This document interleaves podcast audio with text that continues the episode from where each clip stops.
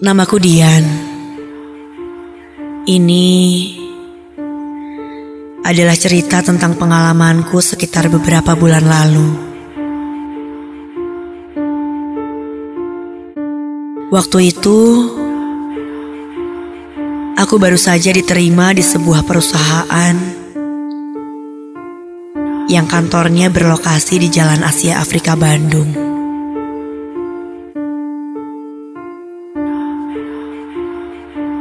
Aku diterima di perusahaan ini sekitar sebulan setelah aku lulus kuliah.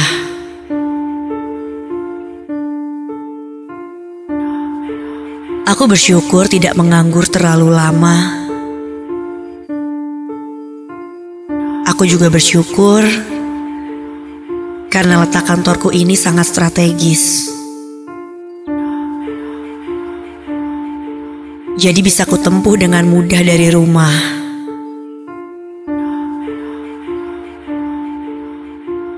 Bukan cuma itu, akses untuk ke tempat-tempat pelepas penat juga cukup dekat dari kantorku.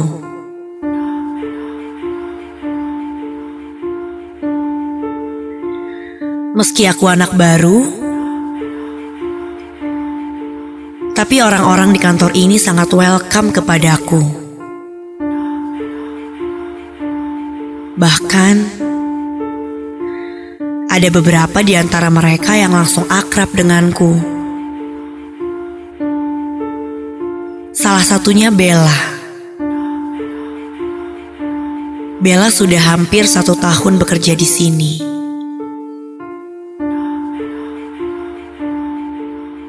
Tapi tetap ada juga sih beberapa senior di kantorku ini yang membuatku merasa segan untuk akrab. Tentunya karena jabatan atau usia yang terpaut cukup jauh denganku. Itu terkadang jadi kendala buatku untuk memulai percakapan. Namun begitu,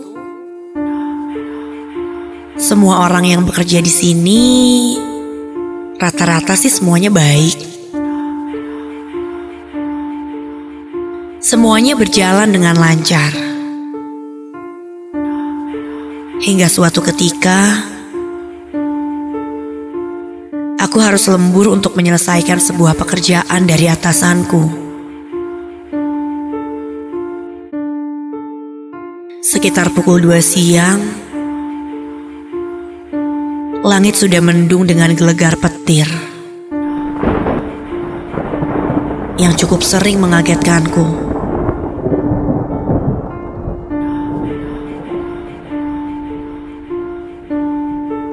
Tak berapa lama, hujan pun turun deras. disertai angin yang lumayan bikin ngeri.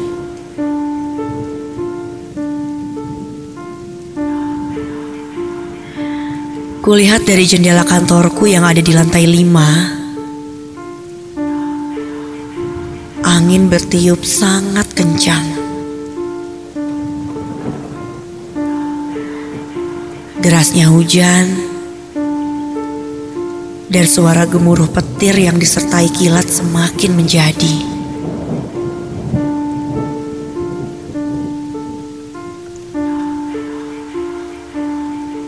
Untuk merelaksasi pikiran dan mengembalikan mood, biasanya orang-orang di kantorku pergi ke pantry.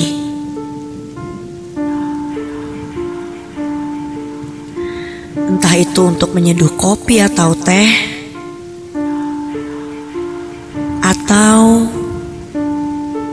membuat mie instan yang disediakan gratis oleh kantor.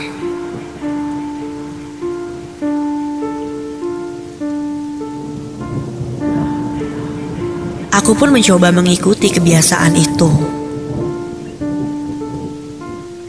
Karena kerjaanku hari itu sudah selesai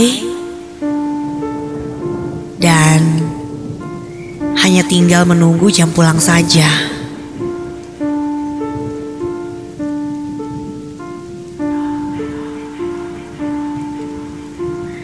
Aku lalu berjalan ke pantry yang letaknya di bagian belakang itu.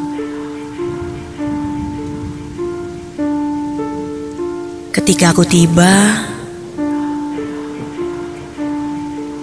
entah mengapa aku merasakan sesuatu yang kurang nyaman.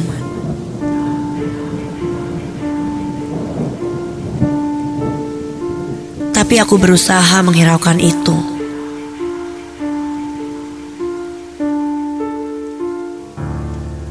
Tiba-tiba, eh, kenapa nih? Seiring dengan kilat petir, lampu di pantry tiba-tiba mati untuk sesaat.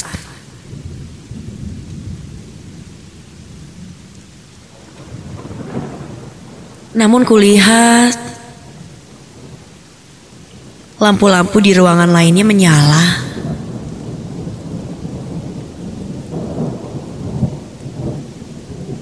Di gelapnya ruang pantry itu, kulihat sekelebat sosok hitam sedang menghadap ke dispenser.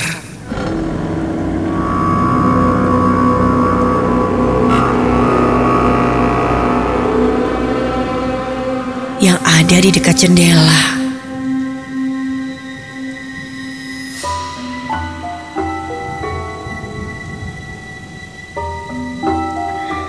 Beberapa detik kemudian lampu kembali menyala.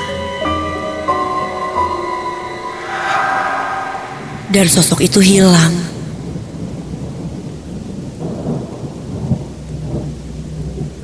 Perasaanku semakin tidak nyaman.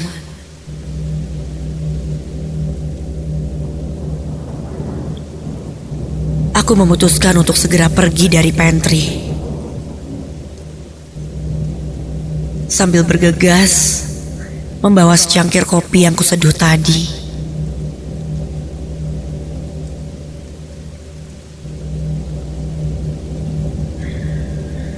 Sialnya, karena ada kerjaan mendadak yang harus diselesaikan,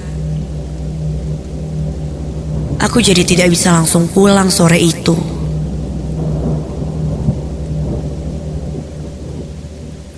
Ada tiga orang, termasuk aku saat itu, yang terpaksa harus menyelesaikan pekerjaan dulu.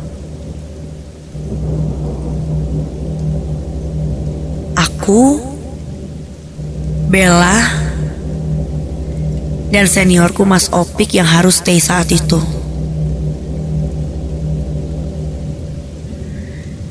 Kami masih mengerjakan pekerjaan itu sampai pukul 8 malam.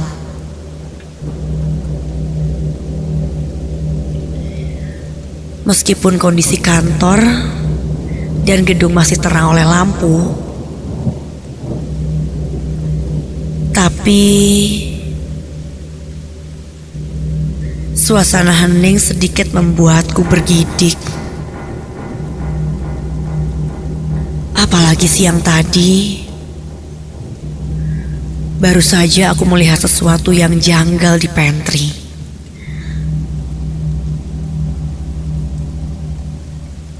Walaupun aku belum menceritakan hal itu pada siapa pun.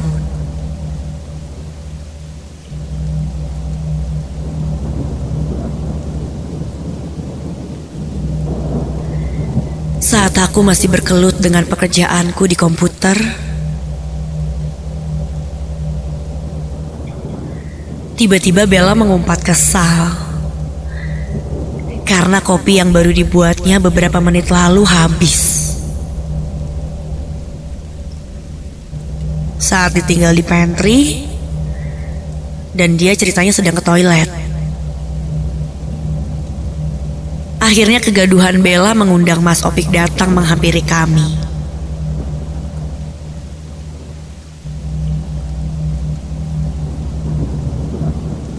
Mas Opik bertanya kenapa.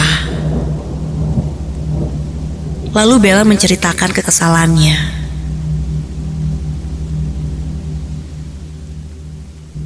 Padahal hanya ada kami bertiga saat itu.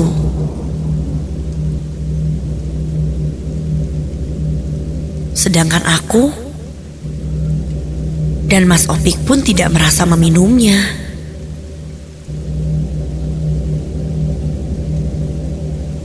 Karena sedari tadi kami memang tidak beranjak dari tempat masing-masing.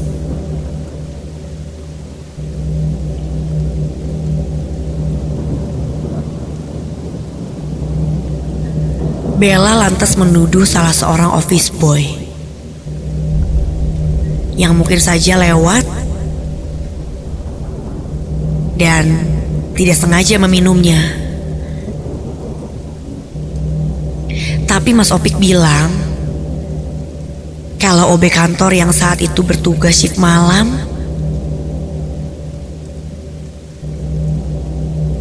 ternyata belum datang.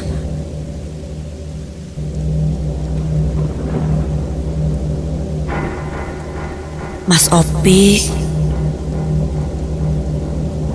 lalu menggiring kami ke pembicaraan tentang sesuatu yang membuatku merinding.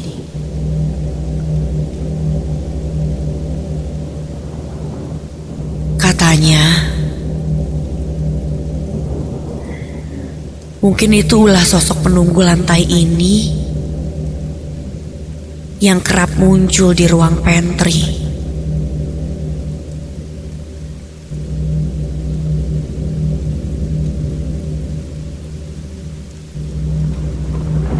Seketika aku langsung terhenyap. Karena sosok yang diceritakan Mas Opik itu hampir sama dengan apa yang kulihat tadi siang.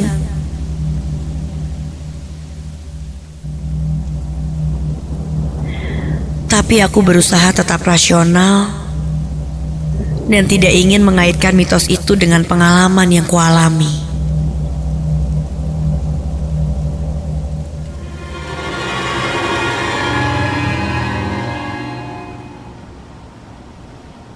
Akhirnya pekerjaanku selesai.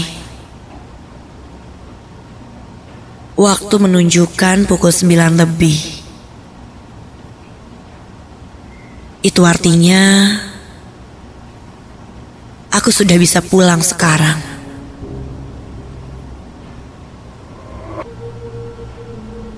Namun sebelum pulang, Aku harus mengembalikan gelas cangkir bekas kopiku tadi ke pantry.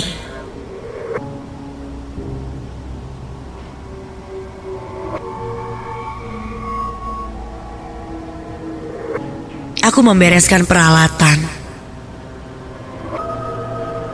Memasukkan barang-barangku ke tas. Dan Sambil menjijing tas ini, aku berjalan ke pantry untuk mengembalikan gelas.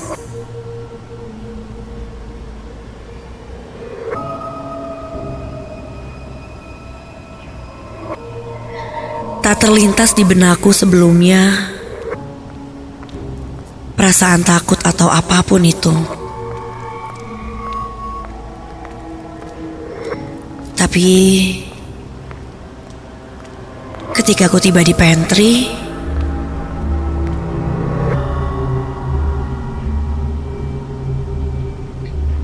eh,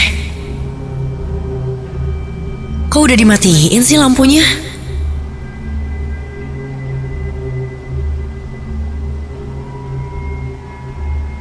Aku meraba dinding untuk menemukan tombol on-off lampu pantry. Saat ku sedang meraba dinding, tiba-tiba, iya Pani. Aku kaget ketika secara tidak langsung dan tidak sengaja aku merasa baru saja menyentuh sesuatu yang basah dan agak lengket. Aku refleks menarik tanganku itu. Dan ketika kutemukan stop kontak lampu dan kunyalakan,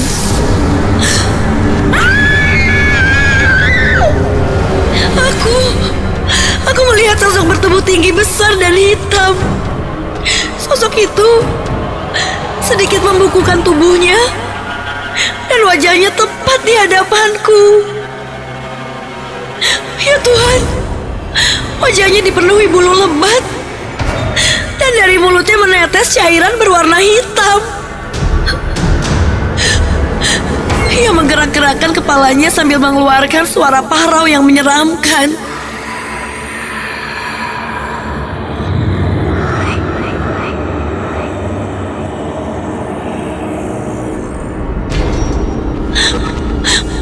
Tiba-tiba saja mendadak lampu pantry kembali mati. Seketika aku merasa lemas dan gelas cangkir yang kupegang itu pun jatuh dan pecah.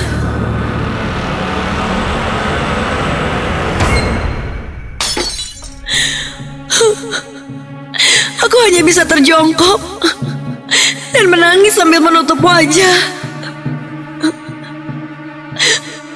Berharap sosok yang kulihat itu tidak ada.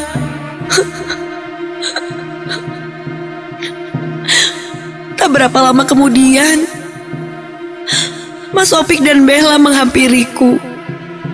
Sepertinya teriakanku tadi terdengar sampai ruang kerja.